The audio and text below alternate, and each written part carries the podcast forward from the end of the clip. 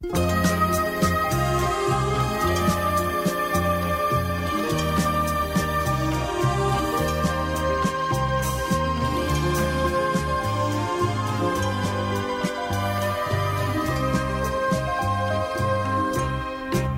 az Újvidéki Rádió. Itt az Újvidéki Rádió.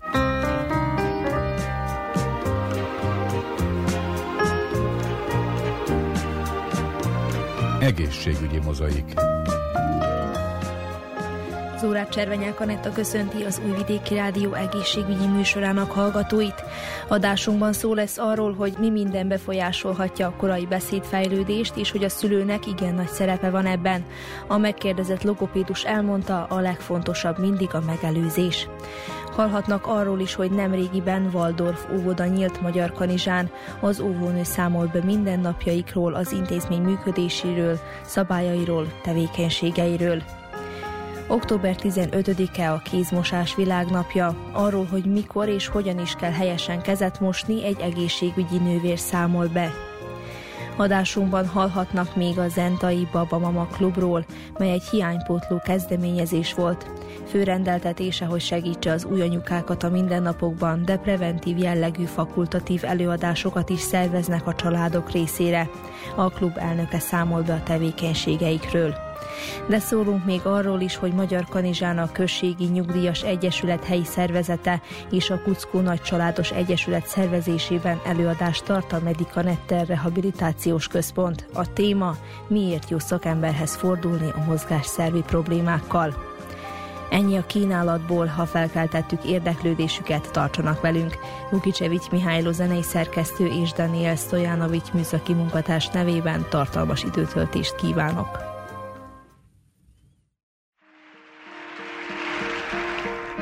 Hello darkness, my old friend. I've come to talk with you again.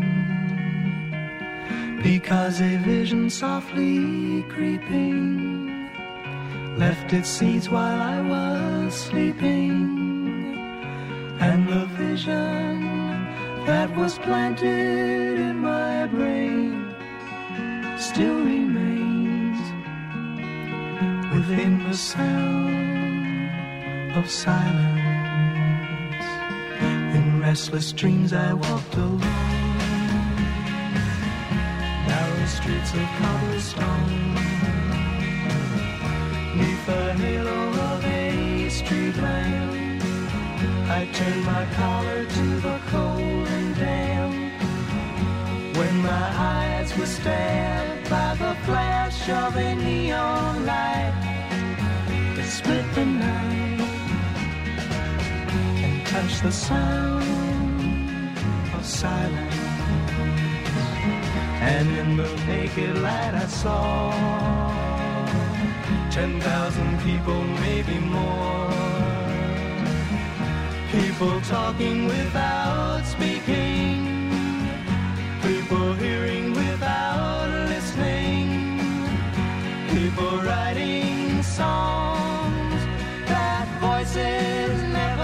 never share. No one dared disturb the sound of silence fool said I, you do not know. Silence like a cancer grows. Hear my words that I might teach you. Take my arms that I might reach you. But my words,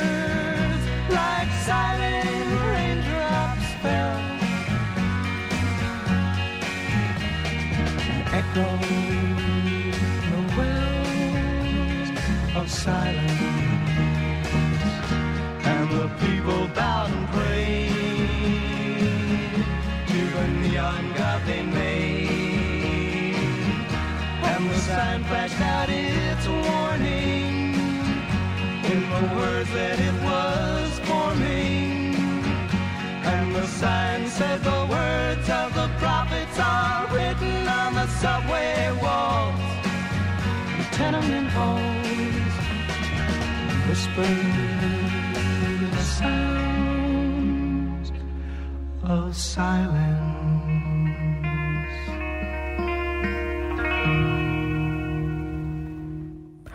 A gyermekek korai beszédfejlődését sok minden befolyásolhatja. Ez egyénileg változó, még azonos szociális helyzetben és környezetben, például egy családon belül is eltérő lehet.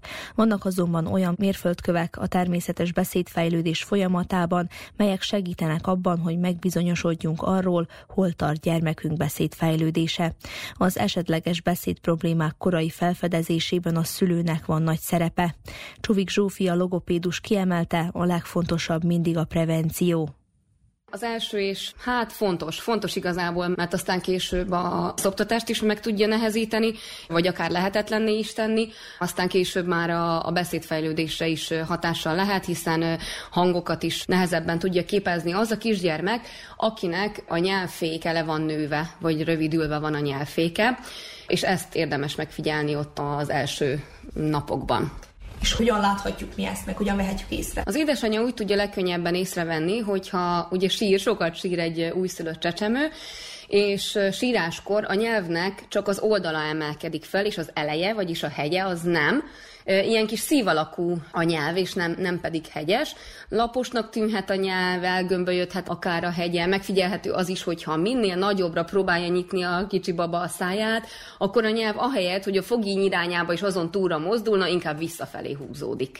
És egyébként ezt fülorgégész szakorvos vagy sebész egy ilyen lokális érzéstelenítéssel, egy kis csipentéssel föl tudja metszeni, úgyhogy nem egy fájdalmas eljárás, elég gyorsan is gyógyul, úgyhogy ez most már egy rutin eljárásnak számít, és ajánlom is minden szülőnek. Nagyon sok édesanyával beszélek, és nagyon úckodnak, félnek tőle, hogy műtéti beavatkozás kell egy újszülött két-három hetes babánál, de mindenkit erre biztatok, hiszen a szoptatás is sokkal könnyebb, kevésbé lesz fájdalmas, és azt aztán később a beszédfejlődésre is sokkal jobb lesz így a gyermeknek.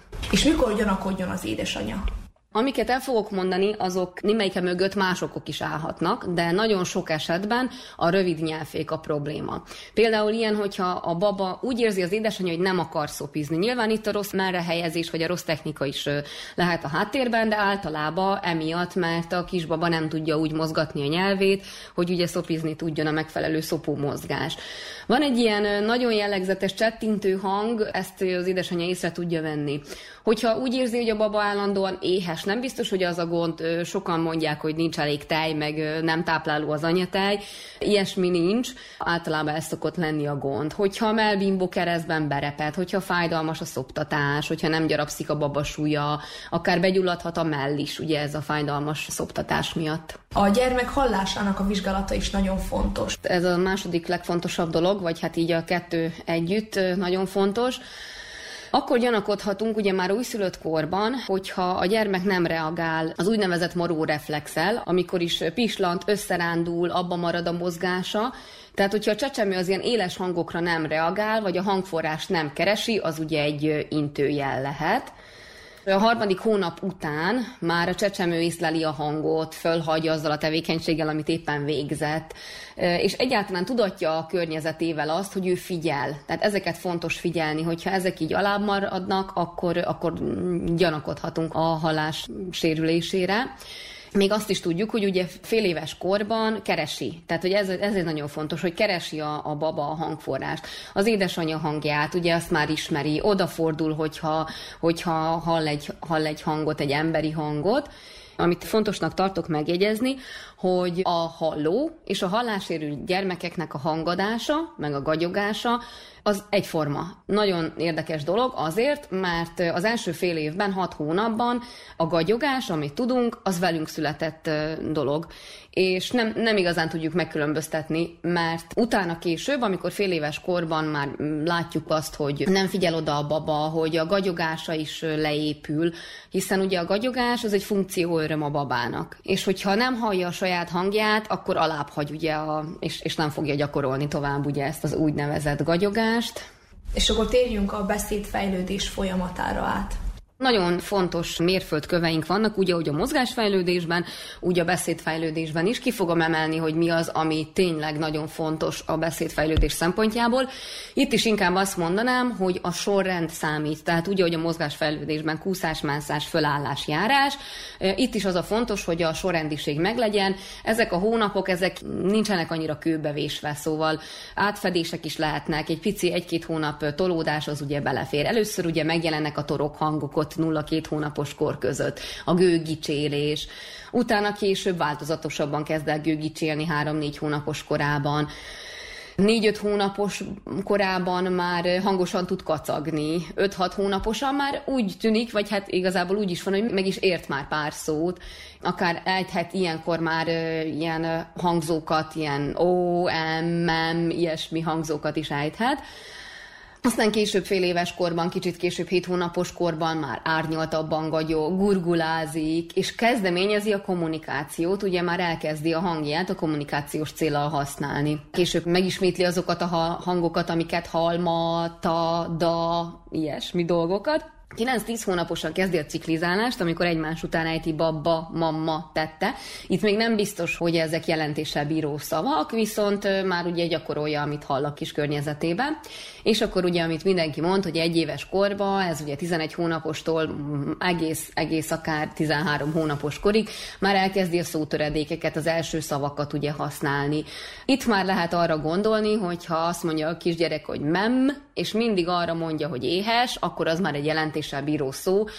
A mi hangkészletünkben és a mi szókészletünkben ez még nem egy jelentéssel bíró szó, de számára már az, és hogyha konzekvensen mindig arra használja, akkor ez, ez már ugye az első szavak közé. A hangutánzások is itt kezdenek el megjelenni. Másfél éves koráig pedig már elkezd ugye három-négy, tíz szót is mondani, és ami a nagyon fontos, amit mindig kiemelünk logopédusként, hogy két és fél éves kor, a régi szakirodalom még ugye 24 hónapos kort írja, most már két és fél éves korra kitolódott. Két és fél éves korába a kisgyermeknek meg kell legyen az 50 szavas aktív szókincse, vagy pedig a két szavas mondatok, vagy és vagy, szóval vagy az egyik, vagy mindkettő, és itt arra kell gondolni, hogy apa el, anya fel, tata be, szóval az ilyen kis összekapcsolások, ez kettő és fél éves koráig, függetlenül lány-fiú, tehát ez is most már megdőlt, hogy ugye régen úgy volt, hogy a fiúk két és fél éves korig, a lányok két éves korig,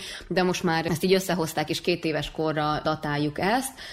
Ebben az 50 szavas szókincsben ezt is mindig fontos hangsúlyozni, hogy a hangutánzások is beletartoznak, és azok a kis szavak, amiket ugye az előbb is említettem, hogy számukra jelentéssel bírók, és mindig ugyanarra használják, ez beletartozik ebbe az 50 szavas szókincsbe és mikor forduljon a szülő logopédushoz. Amennyiben a csecsemőkori gőgicsélést nem váltja fel a gagyogás, vagy hogyha ez a gagyogás leépül, kifejezéstelenné válik, akkor már ott ugye érdemes gyanakodni és érdemes szakembert keresni. Akkor az előbb említett két és fél éves kor, hogyha két és fél éves koráig nem indul meg a beszéd, nem éri el az 50 szavas szókincset, nem használ még két szavas mondatokat, akkor ugye el tudja vinni logopédushoz, és a logopédus egy célzott korai beszédfejlődés terápiát tud vele tartani. Ezt megkísért beszédfejlődésnek hívták a régi terminológiában, most már nyelvi késésként emlegetjük, hiszen a beszéd és a nyelvfejlődés ez ugye teljesen összefügg, és kapcsolódik egymáshoz, úgyhogy korai nyelvfejlődési zavarnak hívjuk. Akár hogyha későn indul meg ugye a beszéd, és lassan fejlődik, Mindenki azt gondolja, hogy ugye a logopédus csak a beszédhibákat vagy a hanghibákat javítja, ezért fontos ugye megemlítenem azt is, hogy igen, az artikuláció, a beszéd érthetősége, hogyha 4-5 éves korra nem javul jelentősen, amíg 8-10 hangot ugye érint, akkor is ugye érdemes logopédust keresni, akkor tud ugye régebbi nevén pösszességterápiát, most már artikulációs terápiának hívjuk, ezt el tudja ugye végezni a logopédus, és esetleg az, hogyha nem reagál ugye környezet ingereire, vagy nem úgy reagál, akkor akár ugye fülorgégész szakorvost is kereshet a szülő. És mit tehet a szülő, hogy a gyermek beszéde megfelelően induljon? Az első, amit már ugye nagyon sokszor mondok, ez, hogy a hallását figyeljük, hogyha valami eltérés, fülorgégész, logopédus, tehát hogy el tudja vinni valamilyen szakemberhez. Egy szülő automatikusan lassabban, tagoltabban, árnyaltabban beszél, viszont erre azért próbáljuk mindig figyelmeztetni magunkat is, és szülőként is ugye ez nagyon fontos hogy így beszéljünk, ez ugye az úgynevezett dajka nyelv, amit nagyon hasznosnak tartok. A dajka nyelv az nem egyenlő egyébként a gagyogással, hogy a gyermekhez gagyogva, gügyögve beszélünk, mert az, az, nem, az nem viszi előrébb a, a beszédfejlődését. Hogyha ugye a pöszénejtett hangokat megismételjük, hogyha esetleg ő még szépen is használja, de a szomszéd néni csütyürű, bütyürű, szóval az semmiképpen nem hasznos a gyermeknek, ez nem, nem azonos a dajka nyelvvel. A dajka nyelv az tényleg, hogyha az édesanyja automatikusan lassabban, árnyaltabban, jobban kihangsúlyozza azokat a szavakat, szóval, hogy ez, ez egy ilyen más, más dolog. Próbáljuk meg azt, hogy mindig, amikor szólunk hozzá, akkor érintsük meg, nézzünk a szemébe. Természetesen ez se kivitelezhető minden hétköznapi helyzetben, az édesanyák elfoglaltak, de próbáljuk meg azért minél sűrűbben. Az nagyon fontos, hogy itt még a korai beszédfejlődés ezen szakaszában inkább a rövid mondatokat használjuk. Abból tudja a gyermek kiszűrni majd az új szavakat. Később még bőven lesz ideje rá, hogy a szókincse bővüljön, hogy kicsit hosszabb szavakat elsajátítsa, de az ő beszédfejlődését itt ezen a, ezen a szakaszon a rövid mondatok fogják előre vinni. Ugye, hogy az egyszerű kifejezések, ezt már ugye említettem, Próbáljuk meg minden tevékenységet, amit végzünk a gyerekkel, szavakkal kísérni. Itt arra gondolok, hogy például egy öltöztetésnél azt mondjuk neki, hogy ez itt az oknid, most ráadom az oknit a lábadra. Itt megint csak egy kitérő, azzal se segítjük a gyermeknek a nyelvi fejlődését, hogyha azt mondom neki, hogy itt van Peti zoknia, anya ráadja a lábadra. Nagyon sok szülő beleesik ebbe a hibába, és hogy önmagát ugye anyának hívja, anélkül is tudja a gyermek, hogy ő az anyja, hiszen az apuka, a nagyszülő úgy fogja hívni, hogy anya oda jön majd hozzád, de ne nevezze saját magát ugye az anya, ugye anyának, és a gyermeknek is azt mondjuk, hogy itt van a te zoknid, és ezt így fogja tudni elsajátítani ugye a, a, a nyelvünket. Emellett én nagyon fontosnak tartom az énekeket és a mondókákat, hiszen az énekléssel, mondókázással automatikusan is lassabban fogunk beszélni, énekelni, sokkal artikuláltabban tudunk beszélni, énekelni, és az is nagyon fontos, hogy a gyermek e, ilyen alkalmakkor nagyon sokat hallja a saját anyanyelvére jellemző hangokat, dallamokat, rigmusokat, hangsúlyokat, és nem utolsó sorban ez egy kiváló e, együtt töltött minőségi idő is, mondókázás, közös éneklés. Először azzal tudjuk elősegíteni a gyermeknek a nyelv és beszédfejlődését, hogyha főneveket kezdjük el mondani nekik, hiszen ez a nyelvelsajátításnak az első lépés. Először főneveket, és később az igéket kezdik el mondani is, úgyhogy mi is törekedjünk arra, hogy először a főneveket kezdjük el hangsúlyozni. Ugye ez a mi ez korszak, amikor a gyermek is elkezdi már kérdezni, hogy mi ez, mi ez. Itt van még egy nagyon fontos dolog, hogy ha a gyermek mutogat csak, akkor ne forszírozzuk azt neki, hogy de igenis csak akkor adom oda neked, hogyha mondod, hogy tej. Ez nem a megfelelő módszer, mert ha a gyermeknek a kis hangképző szervei és, és egyáltalán ő úgy még nem képes ugye kimondani ezeket a szavakat, akkor csak frusztrálni fogjuk azzal, hogyha próbáljuk arra rávenni, hogy mondja azt a szót. Inkább én azt szoktam tanácsolni, hogy beszéddel reagáljunk és válaszoljunk neki. Például megkérdezem, hogy ezt a vizet szeretnéd? Vagy mit szeretnél? Esetleg ugye ösztönözhetjük a beszédre, de semmiképpen ne erőltessük neki, mert akkor gátat tudunk benne fölépíteni, és még nehezebb lesz maga a beszédindulás. A beszédfejlődésre milyen pozitív hatások lehetnek? Nagyon fontosnak tartom a beszélő környezetet, amiben beletartozik ugye a gondozóval, a édesanyával, édesapával, nagyszülővel való kommunikáció, de ugye elsősorban az édesanyával történő interakció. Nagyon fontos még a megfelelő beszédminta adása, hogy ugye fölkeltsük a beszédkedvét, és a közös figyelmi helyzetek hogy meddig tartanak, a dajkanyelv, amit már ugye említettem, ezek is mind nagyon fontos dolgok. Az otthoni környezetnek a stimuláló hatása, vagyis ugye, amit meséltem már, hogy a képes könyvek lapozgatása, a mondókázás, úgyhogy ezek mind-mind nagyon fontosak. És melyek azok a negatív ingerek, amik érhetik a gyermeket, és ezzel rossz hatással vannak a beszéd fejlődésére? Mivel a mai világban a technikai fejlődés így áll, ahogy, ezért elkerülhetetlennek mondható az, hogy a gyermek képernyőt néz. Itt nagyon sok édesanyja mondja azt, hogy nem tud megfőzni, tehát arra 10 percre odaadhatja a gyermeknek a tabletet, a telefont, a, akár a tévé elő, ugye beültetheti egy kis rajzfilmre. Most szeretném elmondani beszédfejlődés szempontjából, hogy mik azok a dolgok, amik miatt én nem javaslom, nem javallom ugye a képernyőzés, még magát ezt a képi világ felé fordulást. Kutatások bizonyítják most már, hogy három éves kor előtt, nem hogy bővíti a gyermekeknek a szókincsét, a tévézés és a kütyükről másik nézése, hanem sajnos hátrányosan befolyásolja a nyelv és beszédfejlődésüket, mert ez egy mesterséges, gépi hang, ugye, amit ők hallanak. Nincsen visszacsatolás, nem tud ugye visszakérdezni a gyerek, hogyha nem ért valamit. Nincs a párbeszéd helyzet, a kommunikációs helyzet, és én úgy gondolom, hogy kisgyermekeket lefoglalni máshogy is lehet. És megoldásként talán én azt szoktam javasolni, amit én is ugye megtettem, hogy könnyebb nem megismertetni, nem megmutatni a gyermekeknek a, a képernyők világát, mint ugye aztán elvenni.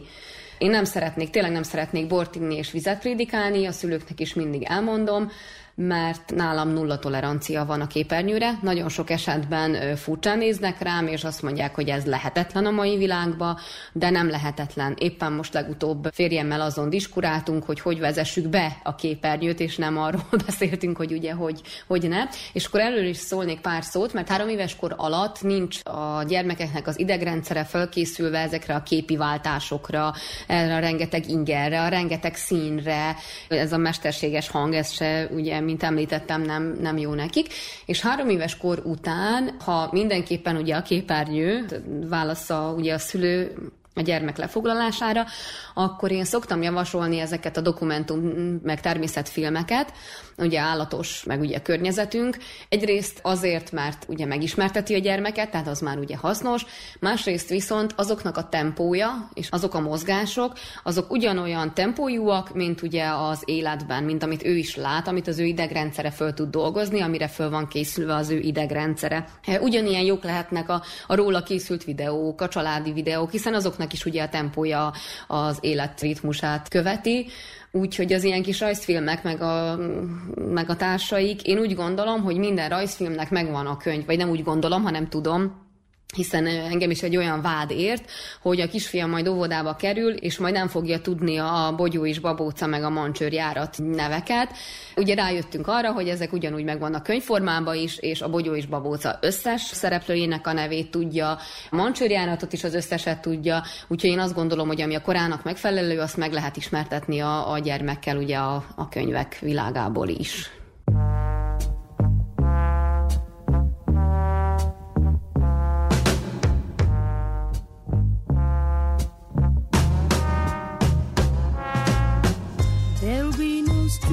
Burn your hands. Not if my love can't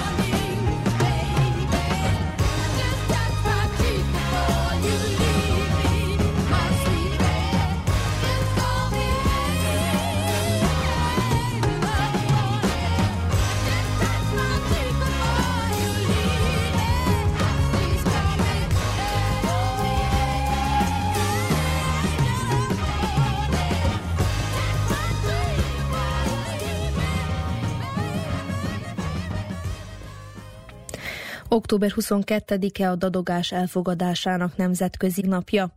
Dadogás bármikor kialakulhat, de leggyakrabban már kisgyermekkorban megjelenik. Csuvik Zsófia logopédus elmondta, nagyon fontos a prevenció. Először is fontos különbséget tegyünk a korai dadogás és a dadogás között. Van egy úgynevezett élettani dadogás, ami 5 éves korig ez egy nem folyamatos beszéd, ez egy teljesen normális korai folyamatossági zavar, amikor esetleg megismétli a szókapcsolatokat, amikor esetleg szünetteket betold, különböző ilyesmi tüneteket láthatunk. Ez még ugye nem a dadogás. A dadogás az pedig már az, amikor megismétli a szótagokat, amikor elnyújtva ejti ugye a hangot, amikor erőlködik, izonfeszülést láthatunk. Viszont, hogyha a szülő ugye ezt a nem folyamatos beszédet hallja a gyermekénél, akkor egyrészt a szülők ugye perfekcionisták, ezt úgy gondolja, hogy kóros, ismeri ugye a dadogásnak a tüneteit, és elkezd szorongni emiatt, hogy ugye a gyermek ne talántán dadog. Ezt a gyermek is észleli, hiszen a gyerekeknek olyan receptoraik vannak, hogy mindent fölfognak, amit ugye a szülő érez. Észleli a gyermek, a gyermek akár hallhatja is, hogy a szülő beszél a barátnőjeivel, vagy, vagy családtagokkal, hogy ú, ez a gyerek elkezdett dadogni. A gyermek megpróbál megfelelni, megpróbálja ezt a dolgot elkerülni, és sajnos a gyermek aztán elhiheti, vagy elhiszi magáról, hogy ő igenis dadog. Ezt úgy hívjuk, hogy a diagnózis beépül a gyermeknek a beszédébe. Szóval én azt mondom, hogy az úgynevezett elsődleges dadogás, ez sajnos csak egy szülői diagnózis és a környezet reakciójára adott válasza a gyermeknek. Tehát nem a gyermek szájában, hanem sajnos a hallgató fülében keletkezik először. Szóval én azt mondom, hogy nagyon fontos az, hogy négy és fél öt éves korig ezt tekintsük élettaninak, és megvannak erre a megfelelő módok, hogy mivel segíthetünk, vagy mivel hátráltatjuk sajnos ugye a dadogást. Na és akkor mivel segíthet a szülő a dadogó gyermekén? Először is nagyon fontos az, hogy türelmesen hallgassuk meg mindig a gyereket, és ne azt figyeljük meg, hogy hogy mondja azt az adott dolgot, hanem hogy mit mond. Próbáljuk mindig a tartalomra figyelni, és akkor eltereljük ugye ami, meg az ő figyelmét is arról az akadozó beszédről. Amikor esetleg az anya tapasztalja a gyermeknek a nyugtalanságát és a megakadásokat ugye a beszédben, akkor ismételjük meg természetes megváltoztatott formában. Mindig tartsuk a szemkontaktus a gyerekkel, és érezze a gyermek azt, hogy éppen figyel ugye a szülő. Hogyha fáradtnak látjuk a gyermeket, akkor inkább beszéltessük kevesebbet. Mindig várjunk egy picit, mielőtt válaszolunk, ugye ezt is ez mintának tekintheti a gyermek, hogy ő is ugye álljon meg egy pillanatra, minél több időt töltsenek nyilván a gyerekkel, és ugye a művészetterápia is ugye ide kapcsolódik a dadogáshoz. Nagyon sok gyerek szeret bábozni, és jó, hogyha erre lehetőséget adunk nekik. Ilyenkor felszínre kerülhetnek esetleg a vágyai, szorongásai, sérelmei. Nagyon sok esetben van az, hogy a gyermek beszélni akar, és éppen nem tudunk rá figyelni, el vagyunk valamivel foglalva, akkor mondjuk neki azt, hogy most nem tudok rád nézni, most nem tudok ezzel foglalkozni, de figyelmesen hallgatom, amit mond. Az éneklés is nagyon fontos, ellazít, derűsé tesz, megnyugtat, megnyugtatja a gyermeket. Használjuk ugye a verseket, a beszédritmust fejlesztését, hiszen itt egy ritmuszavarról is beszélünk, ugye, ami a háttérben áll a képes könyvek nézegetése, amit szajkózok ugye már mindig, ugye itt az ókincs bővítés, meg itt is ugye remek alkalom a közös tevékenységre, és ugye az anyák tudják legjobban, hogy miben a legjobb a gyermek, és van amelyik gyermek rajzolásban, éneklésben, építésben. Ugye a jó teljesítmény és az elismerés, ez hozzájárul a megfelelő önértékeléshez, és lesznek sikerélményei. Ugye a beszédben akkor ugye kevésbé van neki, de, de akkor egy másik tevékenységben ugye ö, sikerélménye lehet. És mit ne tegyen a szülő? Az első és legfontosabb, hogy soha nem mondjuk a gyermeknek, vagy a gyermek előtt, hogy dadog. Én ugye erről már beszéltem nagyon sokat, hogy ugye ez be tud épülni a gyermekbe. Ügyeljünk arra is, hogy a gesztusainkkal se áruljuk, a mozdulatainkkal se áruljuk el ezeket az aggodalmainkat, az is nagyon fontos, hogy ne ismételtessük el vele, amit akadozva végigmondott, mert nem fog segíteni, inkább ront ugye a helyzeten. Ne produkáltassuk, ne szerepeltessük, hogyha ezt látjuk, hogy a gyermek frusztrált ugye a beszédben. Ne legyen kötelező beszámoló, hogy mi történt az óvikban, iskolában. Ne fárasszuk túl, ne szakítsuk félbe semmiféleképpen se, és ne mondjuk el a gyermek helyett, hogy ő, ő mit gondol. Szóval ne fejezzük be a mondatait, mert ez is ugye hátráltatja az egészet. Ne siettessük a gyermeket beszéd közben És akkor utána, hogyha megmarad a dadogás, akkor logopédus segíthet rajta. Amit ugye említettem, hogy 4-5 éves kor, addig ugye élettani, addig ugye érvényesek ezek a szabályok, amiben ugye nagyon sokat segíthet a, a szülő, mert általában ezekkel a dolgokkal, ezekkel a tanácsokkal akár ki is küszöbölhetjük magát a dadogást. Utána a legjobb lenne az, hogyha a dadogás terápiát egy logopédus és egy pszichológus végezné együtt, és igen, a kérdésedre a válasz, hogy igen, aztán egy logopédus tud segíteni dadogás terápiával a gyermeken. És ez a frusztráció, ez is okozhatja, hogy mind inkább elkezd dadogni? Maga a dadogás miatti frusztráció válthat ki még több dadogást? Én úgy gondolom, hogy van ugye a háttérben meghúzódó dolog. Ezért is kell a dadogás terápiához egy pszichológus jelenléte is, hiszen van olyan dadogás, ami, aminek a hátterében állhat valamilyen, ami az életében történt változás, elindult óvodába, született egy kis testvér, haláleset, stb. Úgyhogy ezeket mind-mind fel kell tárni, erre nagyon jó lehetőséget biztosít a művészetpedagógia, a művészetterápia, gyermekpszichológus is tud segíteni, a logopédus pedig ugye a saját kis terápiáját, hogy megfelelően megfelelő beszédindítás, megfelelő hangindítás, légző gyakorlatok, megfelelő légzés, akár lazítani ugye az izmokon, megfeszül ugye a nyakuk körüli izmok, meg a test izmai, azt mind, mind ugye lazítani. Ez egy ilyen közös komplex terápiát igényel.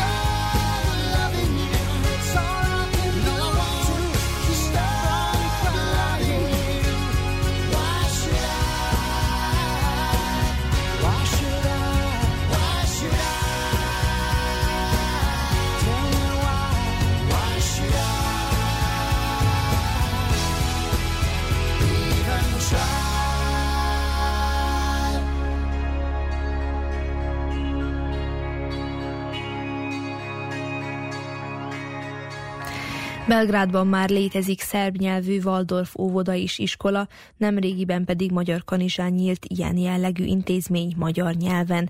Darabcsik Hajnalka óvónő számol be mindennapjaikról, az intézmény működéséről, szabályairól, tevékenységekről. Hát a Waldorf pedagógia az Rudolf Steiner nevéhez fűződik, az ő filozófiájára épül. Legfőbb célja az, hogy testileg és lelkileg és szellemileg egy egészséges fölnőtté váljon a gyermek, akit nevelünk.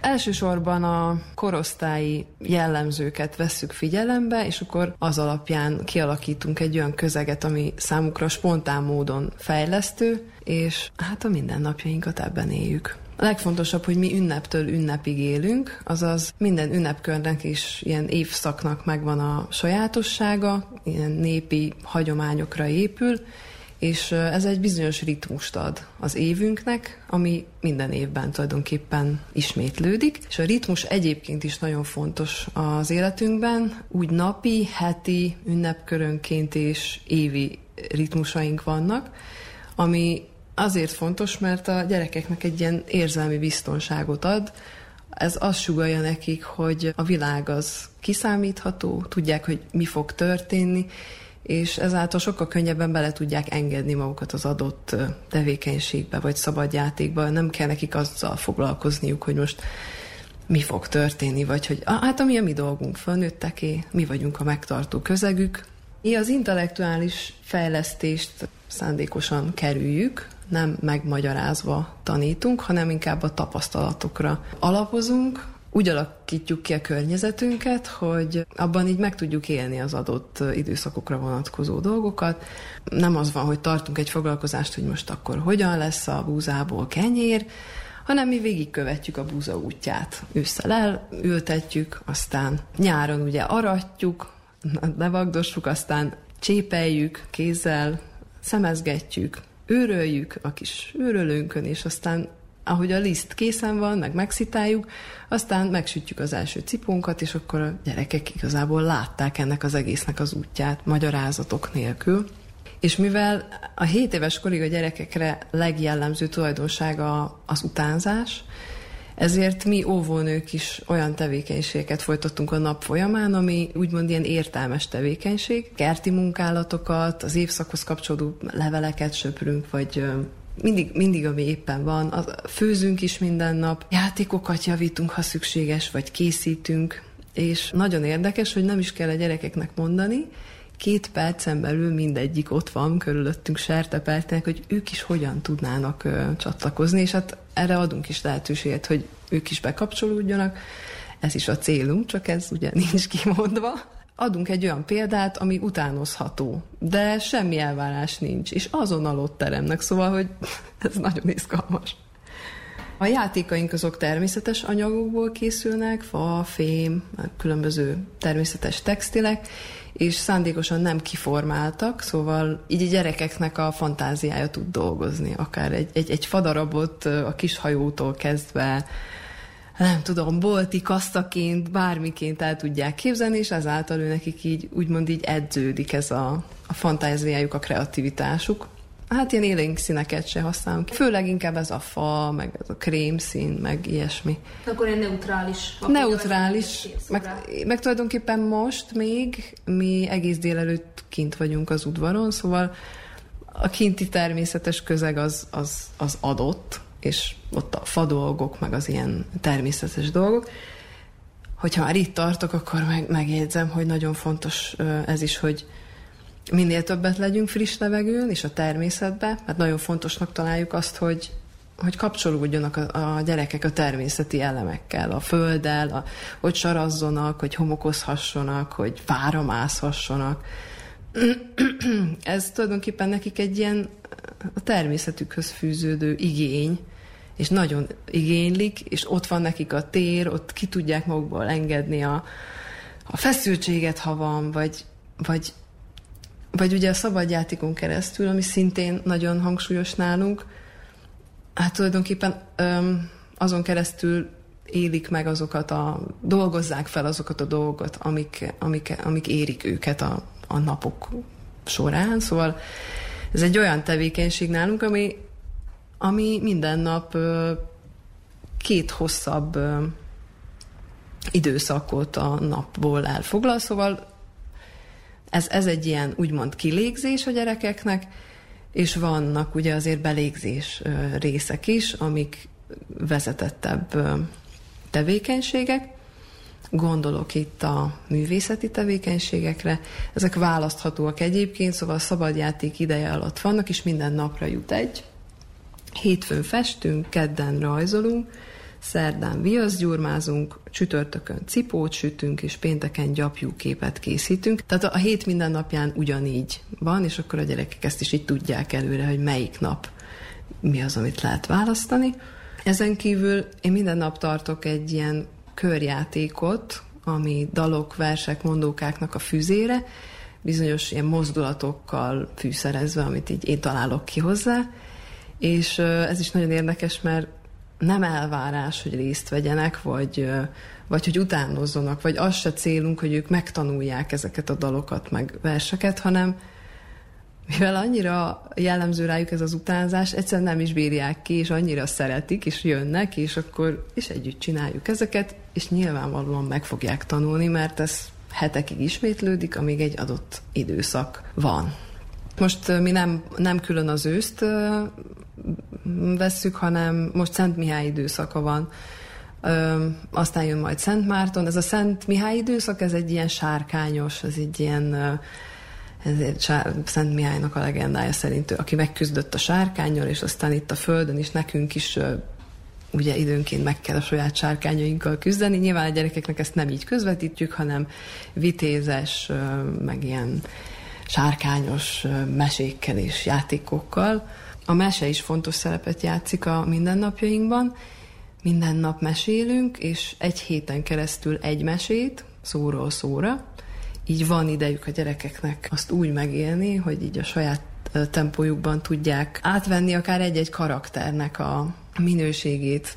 Mert tulajdonképpen bármelyik szereplője lehetünk a mesének, szóval ezt rájuk bízzuk, és adunk nekik időt kicsit lelassulunk ahhoz képest, hogy mostában milyen felgyorsult világ van körülöttünk, és szerintem ez nagyon fontos. A médiai eszközöket kerüljük, ebben a korban, hát 7 éves korig fejlődik a legjobban a gyerekeknek az idegrendszere is, meg, meg a, a fantáziája, meg az egész kis központok a szervezetükben, amire nagyon rossz hatással vannak ezek az elektronikus kütyük.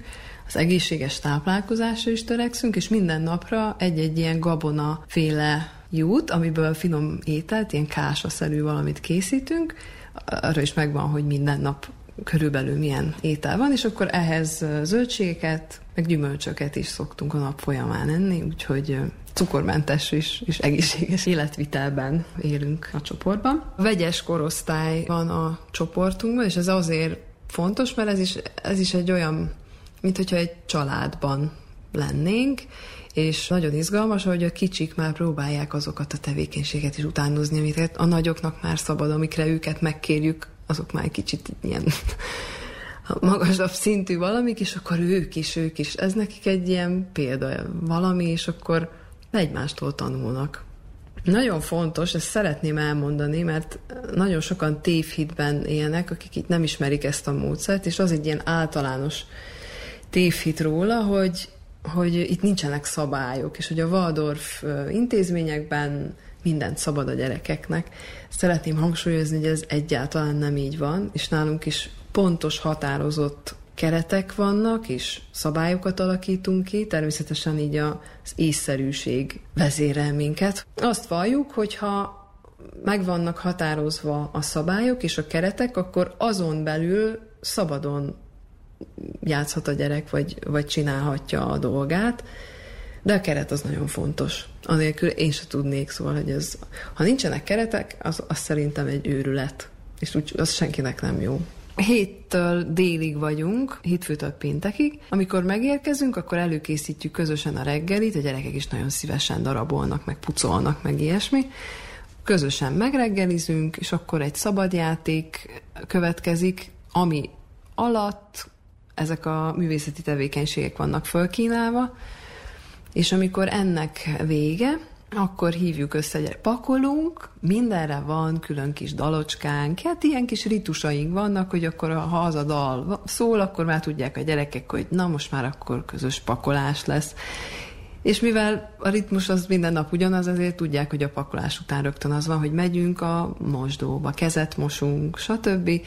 És akkor az almácska kör következik, ahol ugye ez ilyen tíz órai kis almát osztunk, megvan, hogy mindig, hogy ki oszta, hogy hogy néz ez ki.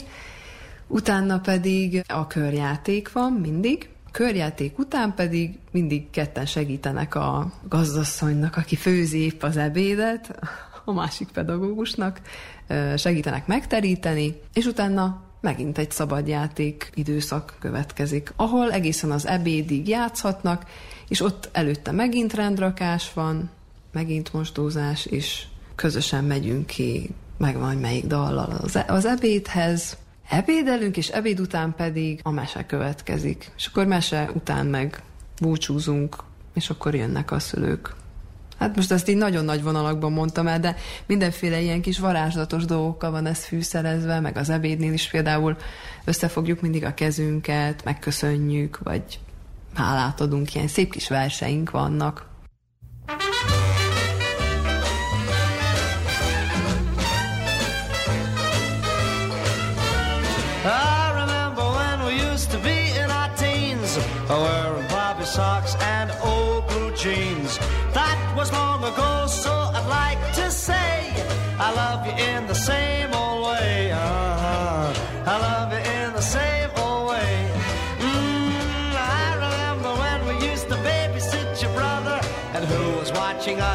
Your father and mother.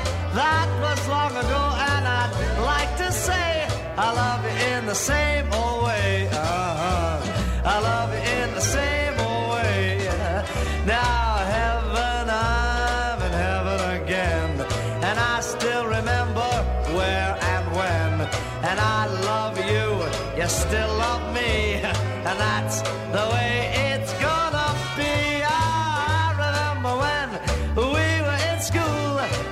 learning how to live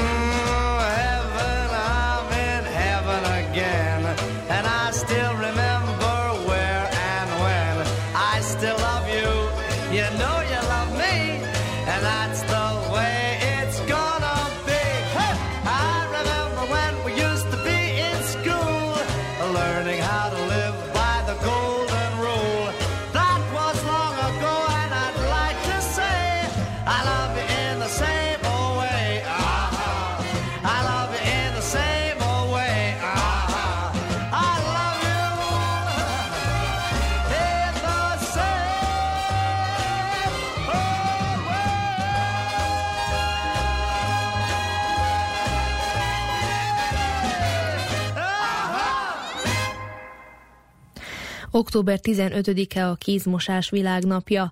Ennek fontosságát nem lehet elégszer hangsúlyozni, hiszen számos betegség forrása lehet a nem megfelelő és rendszertelen kézfertőtlenítés. Az irodai környezetben, tömegközlekedésben és a bevásárlás során pedig a napi szintű érintkezés az emberekkel és az eszközökkel szükségessé teszi, hogy hatványozottan odafigyeljünk kezünk tisztaságára. Arról, hogy mikor és hogyan is kell helyesen kezet mosni, Nésitje Mili egészségügyi nővér számol be. érkezés után, szóval ha a munkahelyről jövünk, ha hazajövünk, utána mossuk a kezünket, például ha a WC-t használjuk, előtte és utána, minden esetben nagyon fontos, akkor pelenkacsára után, akkor mossuk a kezünket. Akkor minden étel készítés előtt, közben és utána, főleg mikor nyers hússal dolgozunk, az is nagyon fontos, mert sokan nem, nem tudják, hogy az abban a húsban is bír baktérium lenni. Például, amikor telefonon vagyunk, vagy mobilon, és azon is vannak baktériumok, mert persze nem fertőtlenítsük mindig le. Beteggel való érintkezés előtt és utána, akkor is mosunk kezet. Főleg például, amikor megyünk a kórházokba, az orvosi rendelő, vagy bármilyen más egészségügyi intézmény, nagyon fontos, hogy ottan előtte, még utána is mosunk kezet, vagy pedig fertőtlenítünk. Például, amikor a gyerekek kint játszanak az udvarba, miután kutyáztak, vagy homokoztak, akkor bejönnek, akkor nekik is nagyon fontos, hogy megmossák a kezüket. Vagy például, hogyha gyógyszereket használunk, például tablettákat, szemcseppeket, akkor tömegközlekedés esetén, mikor jövünk a buszról, utána is persze megint mosok a kezénket, mert mindent fogdosunk, és nem tudjuk, hogy van beteg is köztük.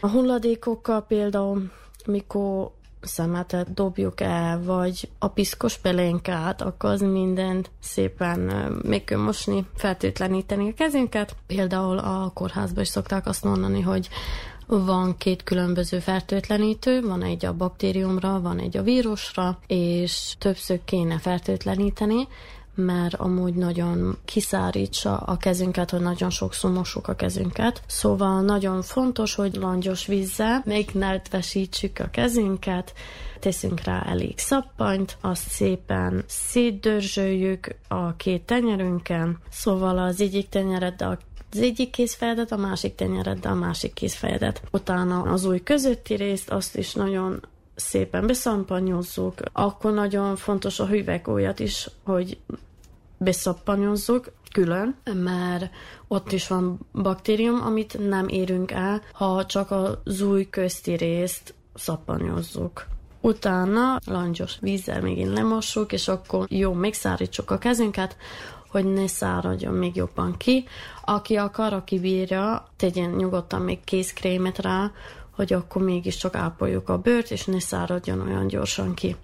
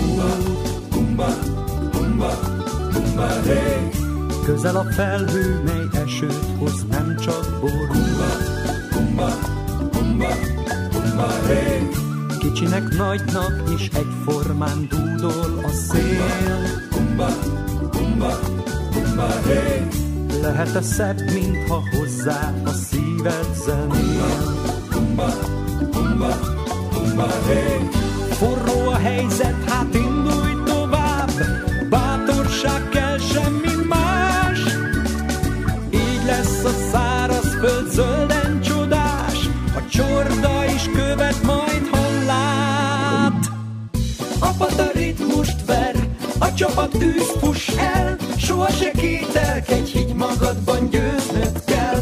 Zuhatag szírfoka, szeretet ős honna, kivirul csillog, a nap Afrika. A ritmust ver, a csapat így szúg fel, örömünk dallama, hűszavannán szányra kell. Csak víz, ne feled mindig víz, tüde lesz minden,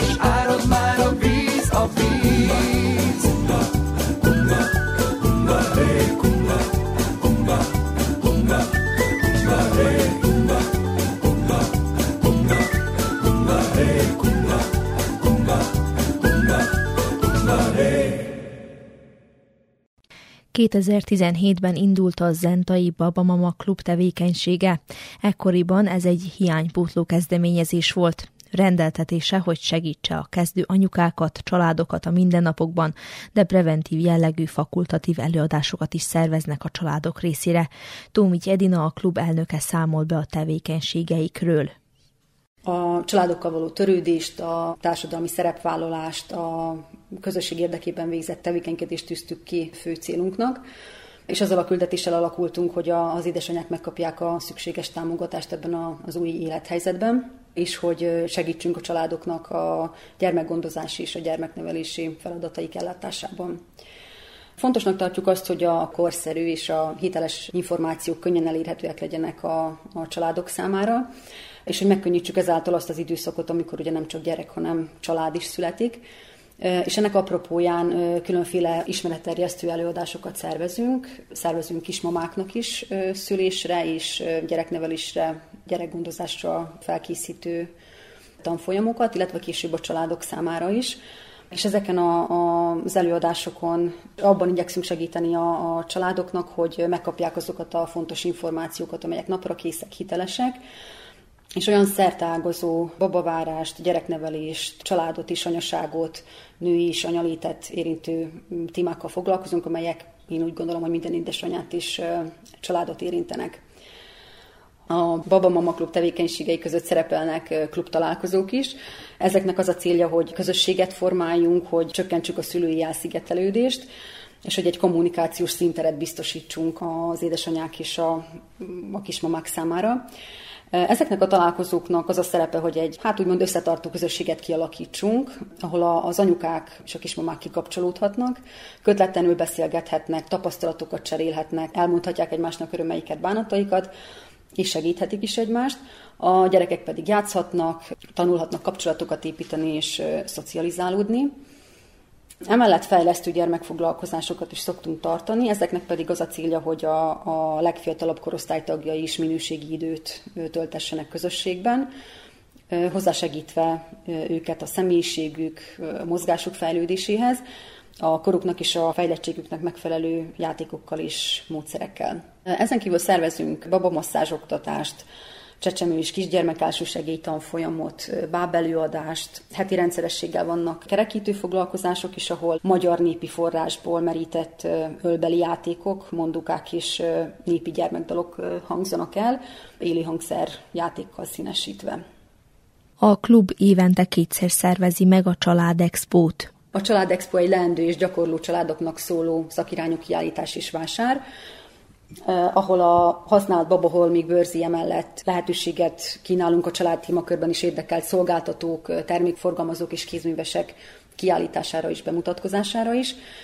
Általában 200 kiállító és bőrzés szokott lenni. Itt a látogatók használt öltözéket újszülött méretektől körülbelül hát 12-14 éves korig találhatnak, de egyéb kiegészítőkre is, játékokra is szertehetnek.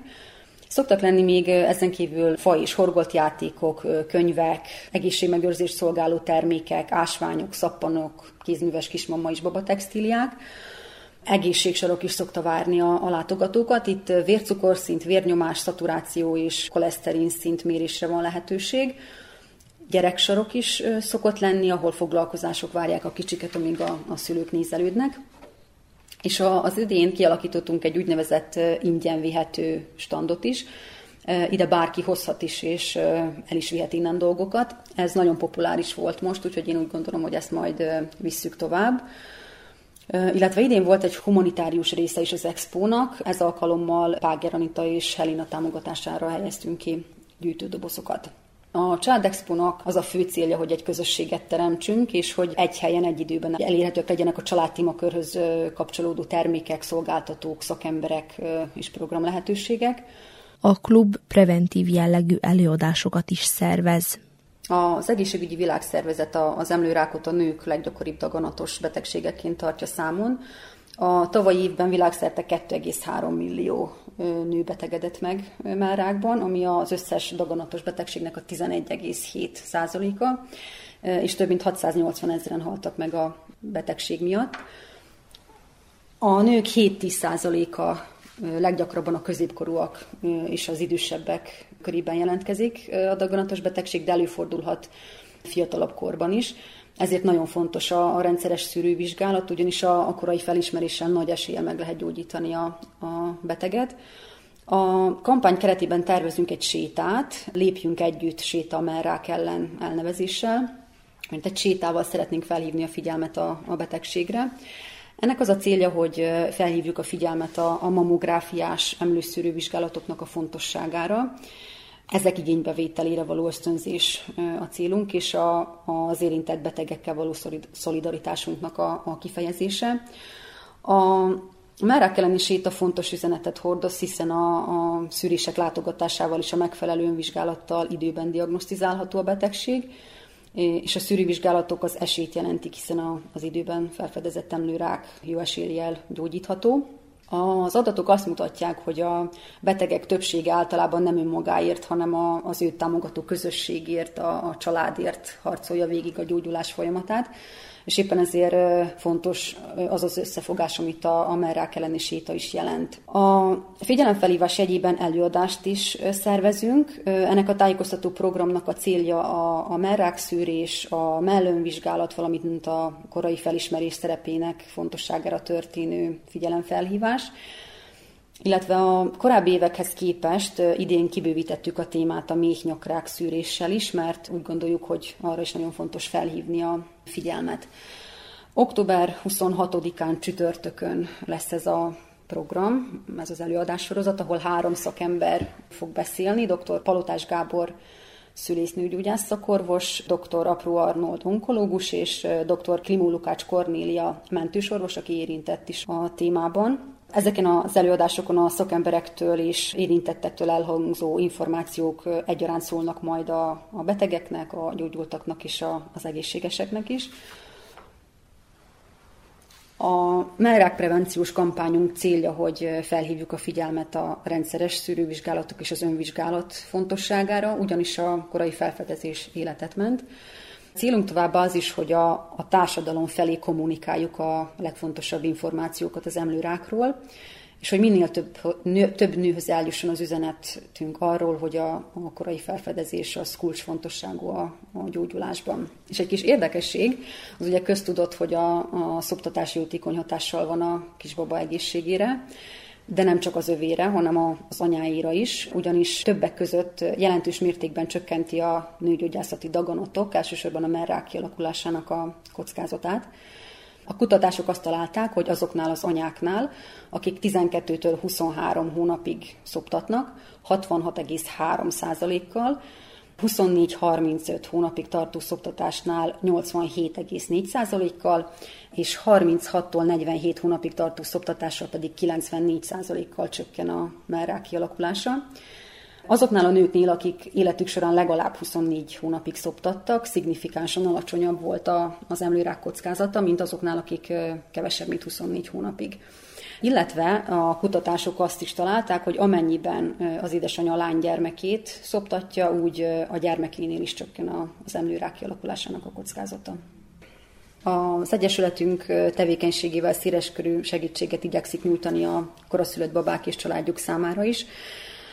Ezeknek a programjainknak az a célja, hogy a, a koraszülött gyerekeknek és családjuknak a megszületéstől kezdve folyamatos mentális és lelki támaszt nyújtsunk, és az életút folyamán felmerülő szakmai iránymutatást és információt is megadjuk, illetve hogy összekapcsoljuk a, az érintett családokat és felkaroljuk őket.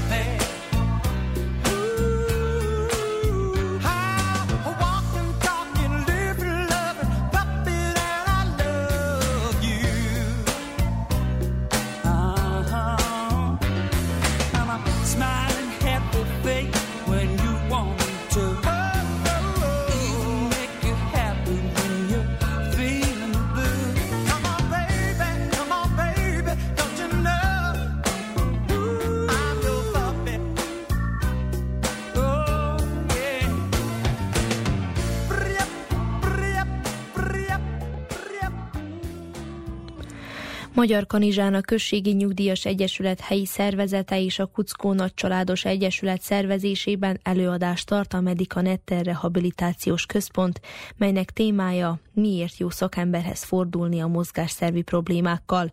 Süli Mónikát a központ vezetőjét hallják.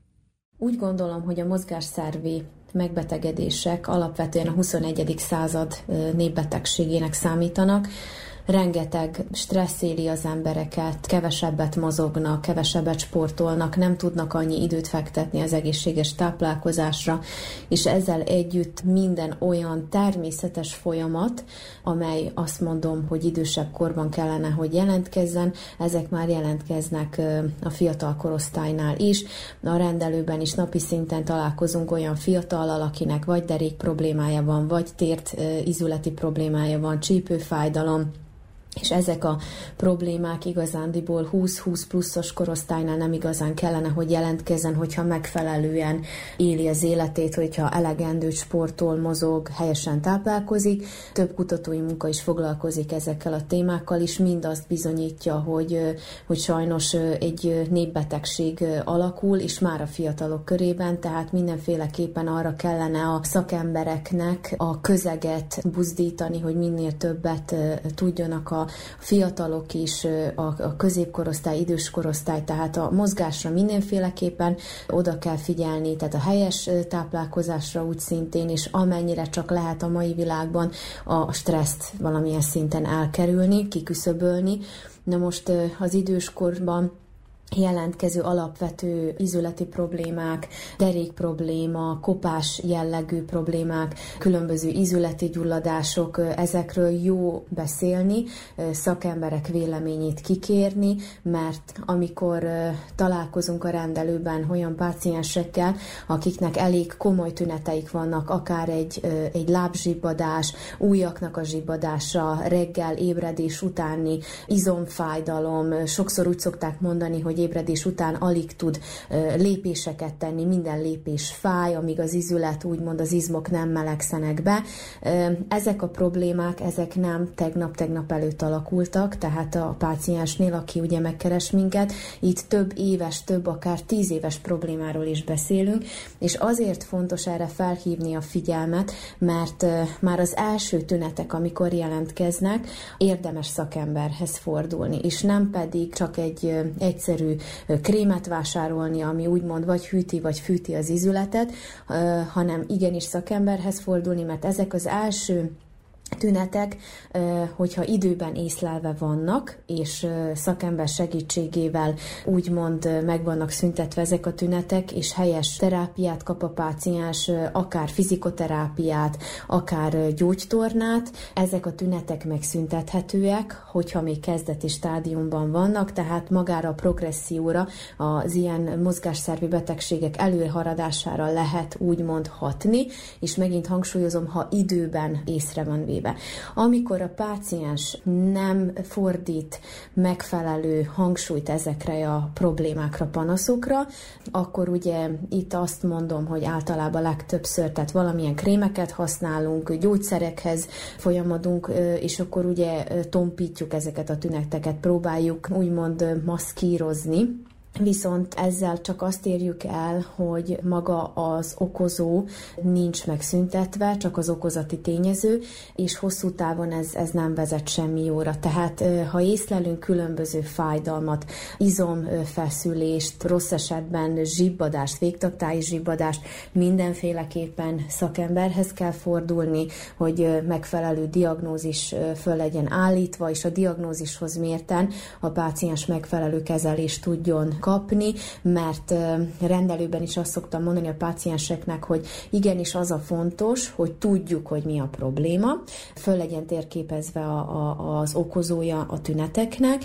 és utána ahhoz mérten tudjuk az életünket élni, tehát úgy a sportválasztásban, mozgásválasztásban, hogy tudjunk megfelelőképpen odafigyelni azokra a jelekre, amit a test mutat, vagy szeretne mutatni, és megfelelően tudjunk torni tornázni, tehát személyre szabott tornát tudjunk a problémánkhoz kapni, azokat heti rendszerességgel végezni, és hogyha ha már egy mozgásszervi betegségről beszélünk konkrétan, akkor igenis el kell mondani a páciensnek, hogy évente fontos az, hogy gyógyterápiákat fölvegyen, mert ezeket a problémákat teljesen megszüntetni nem lehet, viszont a tüneteket enyhíteni, megszüntetni lehet, és ezeket a, a betegségeket kordában tartani, mert így lehet megfékezni a progressziót, tehát a betegség előrehaladását, a gyors előrehaladását, és ugye egy minőségesebb életet élni.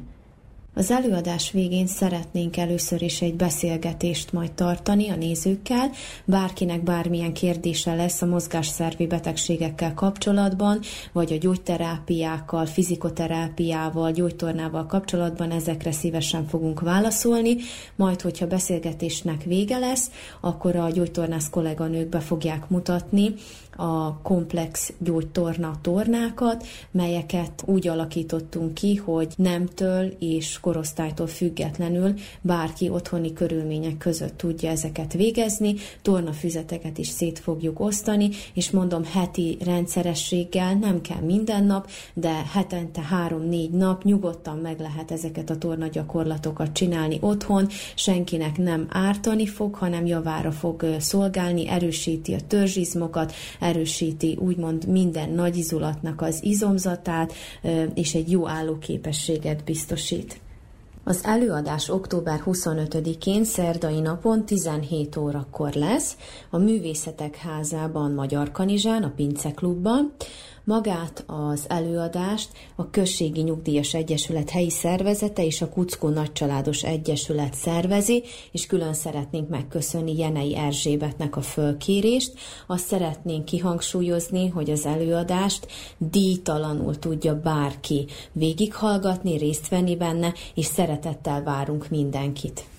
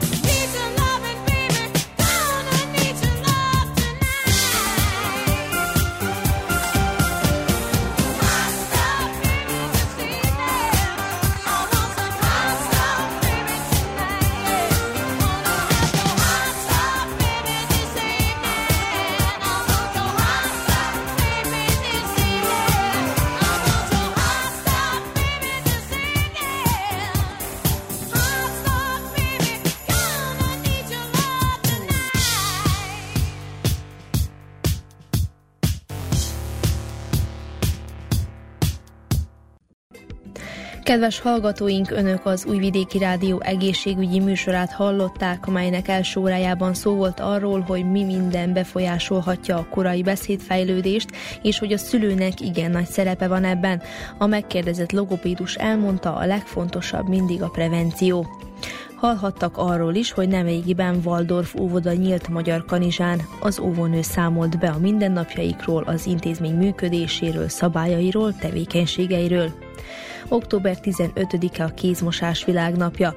Arról, hogy mikor, mennyi ideig és hogyan is kell helyesen kezet mosni, egészségügyi nővér számolt be.